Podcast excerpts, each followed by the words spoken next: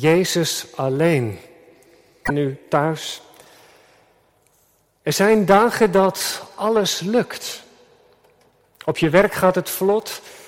De klus die je anders zo, waar je zoveel tijd mee bezig bent, is in een korte tijd geklaard.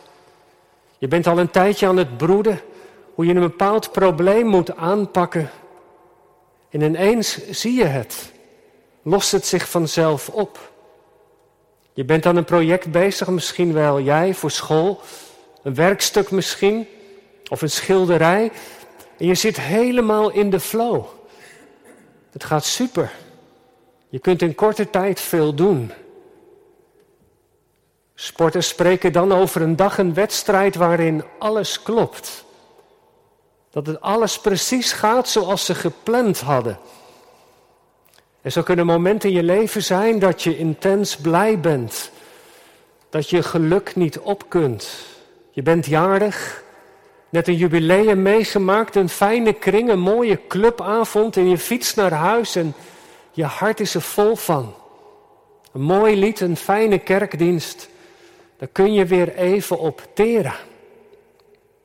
Maar dan, dan is daar dat appje, dat e-mail, dat nare bericht, die vervelende opmerking. Dan is er gedoe en zijn er zorgen. Dat fijne gevoel dat je had is ineens helemaal weg. Misschien herken je dat wel. En realiseer je je weer, ja, er is ook altijd wel wat. Zeker deze dagen. Nu het coronavirus alles ontregelt en we met zondag thuis zitten. Bezoek aan mensen die ziek zijn of kwetsbaar kunnen we niet doen. Niet op bezoek bij iemand die je lief is, je ouders, je opa en oma. Ineens is alles anders. Zomaar in korte tijd is heel ons leven ontregeld. En zo kan het gaan. Vreugde en verdriet, blijdschap en zorgen, het ligt allemaal dicht bij elkaar. De woorden van het Bijbelgedeelte, je bent boven op de berg vol vreugde, maar je bent ook zomaar beneden in het dal en maak je je zorgen. Maar dat overkwam ook de discipelen. Jacobus, Petrus en Johannes, ze bevonden zich met Jezus boven op de berg. Op de berg van de verheerlijking. Ze zijn erbij als Jezus ineens begint te stralen. Ze zien iets van zijn hemelse heerlijkheid. Het licht, de wolk, de stem van God. Wat een bijzonder moment moet dat voor ze geweest zijn. Ooggetuigen van de majesteit van Jezus. Het heeft op hen diepe indruk gemaakt. Want weet u, als Petrus later een brief schrijft, dan heeft hij het nog steeds over dat ene moment daar op de berg. In zijn tweede brief schrijft hij, wij zijn ooggetuig, ooggetuigen geweest van zijn majesteit. Jezus heeft van God de Vader eer en heerlijkheid ontvangen. Toen een stem als deze van de verheven heerlijkheid tot hem kwam.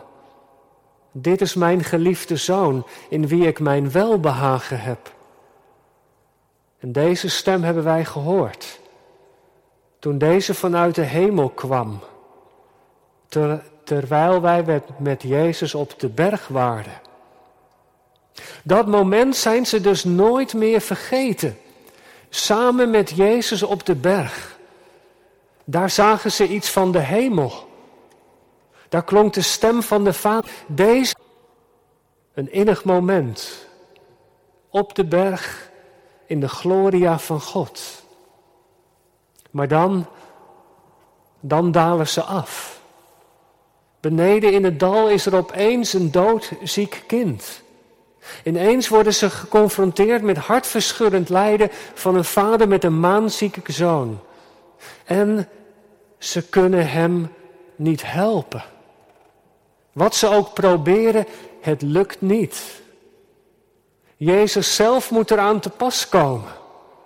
Zonder mij kunt ge niets doen.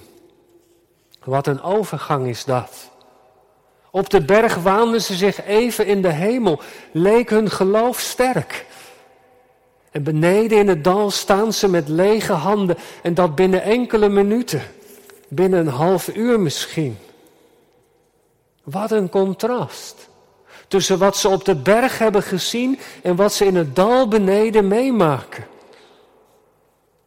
Maar weet u, weet je, die beide gebeurtenissen hebben alles met elkaar te maken. Wist je dat? In het dal ligt hun roeping. Daar is de nood. Daar zijn ze geroepen om de Jezus te dienen. Om de liefde van God in woorden en daden door te geven. Maar ze houden dat alleen vol door wat ze op de berg hebben gezien en gehoord. Afgelopen vrijdag, een week terug, bezocht ik de club Kompas. Die avond stond de preek op het programma. En ik sprak met de jongeren over het Bijbelgedeelte van vandaag en hoe ik een preek maak. En wat een leuke en goede vragen hadden jullie voor mij. Vooral een van de laatste. Dominee, als u nu een preek in één of twee zinnen kunt samenvatten, waarom doet u er op zondag dan zo lang over? vroeg iemand. Ja, voor jullie jongeren duurt de preek best lang, dat snap ik best. Maar ik heb ook wel uitgelegd dat het belangrijk is om de Bijbel goed uit te leggen. En dat we in elke preek, als het goed is, ook over de Heer Jezus horen. Over wat Hij voor ons heeft gedaan. Je snapt, dat is ook belangrijk. Want zo leren we Hem beter kennen. Dominee, hoe maakt u nu een preek? vroeg iemand. En toen heb ik geantwoord dat in elke preek twee vragen centraal staan. De eerste is deze. Wat lezen we hier over de Heer Jezus of over de Heer God? En de tweede vraag, wat betekent dit voor ons? Nou jongelui, die twee vragen komen nu aan de orde. Wat betekent het gebeurde op de berg voor de Heer Jezus? Dat hebben we samen net gelezen. We lezen dat hij van gedaante verandert. Dat zijn gezicht begint te stralen als de zon. Zijn kleren worden wit als het licht. Mozes en Elia verschijnen aan hem. Er is een wolk. En uit de wolk klinkt de stem van God. Er gebeurt zoveel op de berg. Wat betekent dit? Nou dit. Op de berg wordt de Heer Jezus door God bemoedigd. Nou, wat bemoediging is, weten we wel, toch?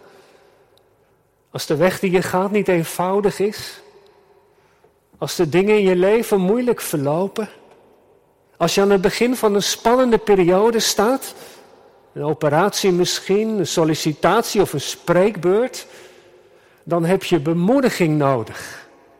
Je vader of je moeder tegen je zegt: Kom op, het gaat je lukken. Een schouderklopje, een opbeurend woord. Een Bijbeltekst. Ik zal voor je bidden. Een bemoediging. Toen Jozua, de opvolger van Mozes, voor de moeilijke taak stond om het volk het beloofde land binnen te brengen, Jozua 1, kreeg hij ook een bemoediging van God. God zei tegen hem: Wees sterk en moedig want ik ben met je. Ik zal je niet begeven en ik zal je niet verlaten. Nou, die woorden, die zijn met Jozua meegegaan. De rest van zijn leven. En zo op de berg wordt hier Jezus door God de Vader ook bemoedigd. Waarom? Jezus is mens geworden. Net als wij.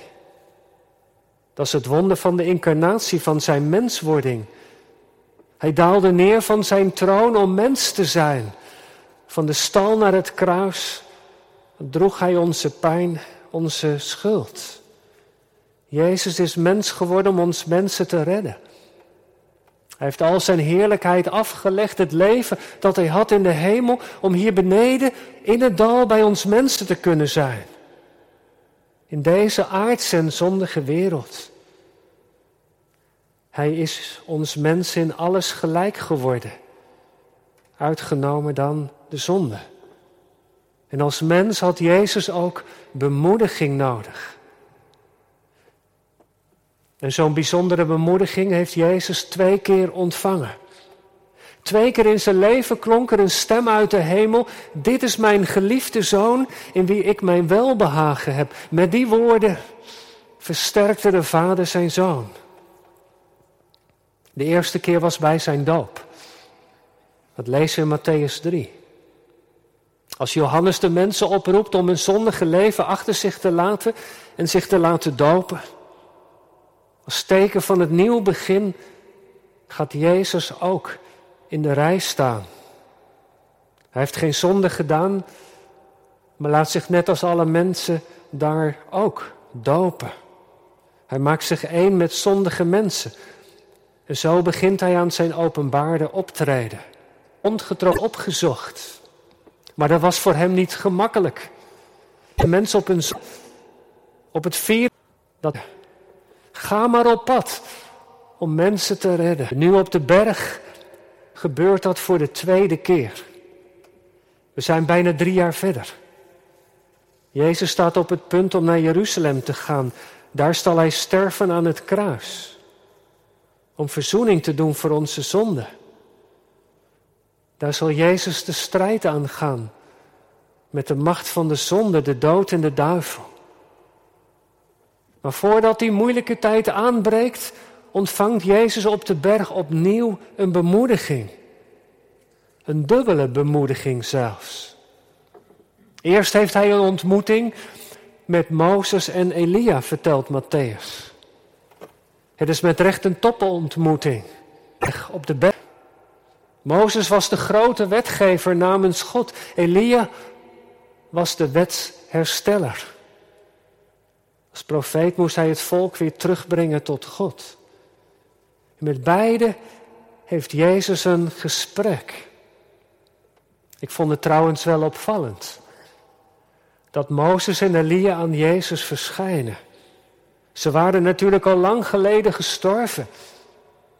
En toch, en dat is het mooie, toch leven ze bij God in de hemel. Mozes en Elia zijn te herkennen.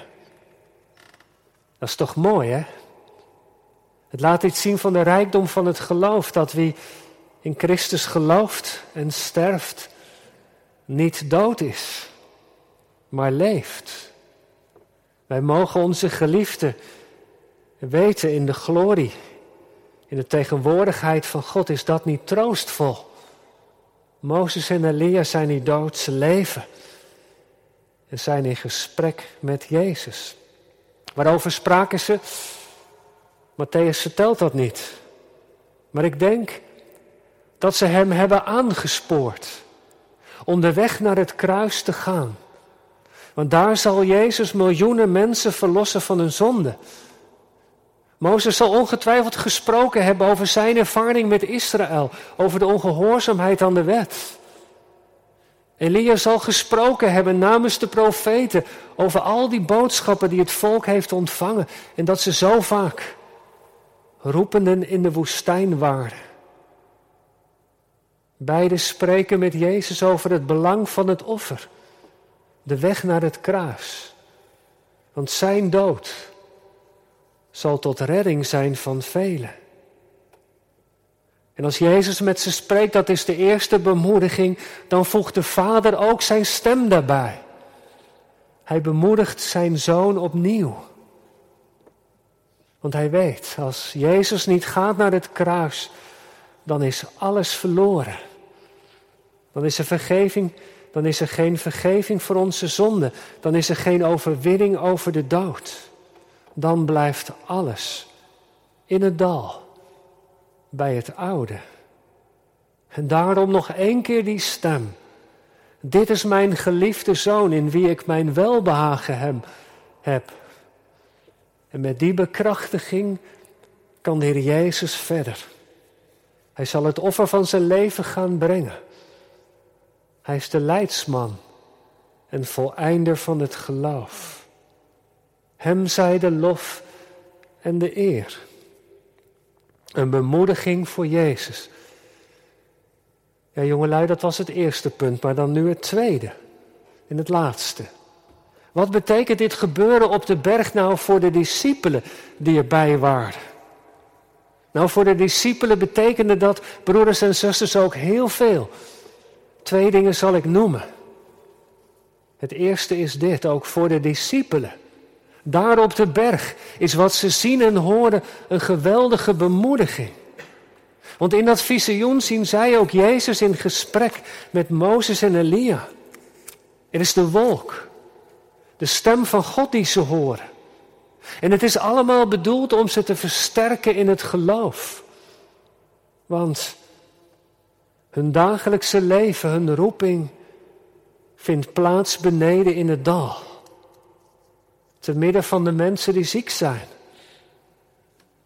De mensen die God niet kennen. In het dal zijn er de zorgen en de problemen. In het dal kun je zomaar door twijfel en aanvechting overvallen worden. In het dal zijn er stemmen in je hoofd die je doen twijfelen. Of je wel de juiste keuze maakt als je beleidenis gaat doen. Doen twijfelen of je wel in de Heer Jezus wilt geloven en Hem wilt volgen. En om het in het dal vol te kunnen houden, heb je zulke momenten op de berg nodig. Dat God tegen je zegt, het is waar. Je vergist je niet. Jezus is mijn geliefde zoon. En ik hoop en bid dat de kerkdienst voor u of jou ook zo'n moment is. Dat je samen op de berg bent. Of als je avondmaal viert, de doop van kinderen ziet, samen uit de Bijbel leest, als je een goede clubavond hebt of op catechisatie met de Bijbel bezig bent, als je samen zingt, misschien u wel thuis, dat je dan boven de omstandigheden wordt uitgetild. En dat Gods geest je bemoedigt. Wat er ook gebeurt. Jezus is het. Je vergist je niet. Ze zien een glimp van de hemel. God bemoedigt. Die nieuwe wereld die gaat komen. De wereld waarin geen ziekte, zonde en dood meer zijn. Geen virussen. Die nieuwe wereld die door het offer van de Heer Jezus zeker gaat komen. Op de berg ontvang je bemoediging. Net als de discipelen. Ze zien Mozes en Elia. En alles wat ze gehoord hebben over hem blijkt waar te zijn. Er is een hemel. Wat God zegt is betrouwbaar. En in die hemel is God zelf. Hij zit op de troon. Hij regeert. Wat er beneden ook allemaal in het dal gebeurt. Op de berg worden ze versterkt. Zijn ze even in de gloria. Gods wereld gaat komen. En dan het tweede. Er is niet alleen een bemoediging, maar ook een opdracht. Daar eindig ik mee. God voegt namelijk aan het ene zinnetje dat Jezus de geliefde zoon is, nog iets toe. Luister naar Hem. Luister naar Hem. Dat is wat God vraagt van zijn discipelen, dat is wat Hij vraagt van ons. Luister naar Hem. Dat is de opdracht van God voor in het dal, in het dagelijkse leven. Naar Jezus luisteren elke dag weer opnieuw. En als God dat gezegd heeft, dan gaat het licht op de berg uit. En de discipelen zien opeens niemand anders meer dan Jezus alleen. Maar weet je, de stem van God nog, klinkt nog in hun oren. Luister naar Hem. Luister naar Hem. Petrus wil drie tenten maken. Hij wil boven op de berg blijven in de gloria, maar dat is niet de bedoeling. Discipel ben je beneden in het dal. Daar is de nood, daar ligt onze roeping. Lieve gemeente, het kan zomaar zijn dat het virus waar we nu mee te maken hebben en dat zoveel dingen stillegt, ons opnieuw bepaalt bij onze roeping. Om te luisteren naar de Heer Jezus en Hem zo te volgen. Hij roept ons om te dienen. In het dal. Onder de mensen. In je buurt, op school, op je werk. Juist nu. Het virus zoveel zekerheden doet wankelen. Maar in dat alles hoeven wij niet bang te zijn. Het waren de eerste woorden die Jezus sprak tegen zijn discipelen. We hebben ze toen straks ook gehoord. Ze hoeven niet bang te zijn. Want het profetische woord dat is vast. God heeft gezegd, en dat mogen we gelovigen weten, al wankele bergen en wijken heuvels. Gods trouw blijft. Hij wankelt niet. Want op die andere berg, die heuvel van Golgotha, daar heeft Jezus zijn leven gegeven. Daar is het fundament van ons heil gelegd. Geloof je dat?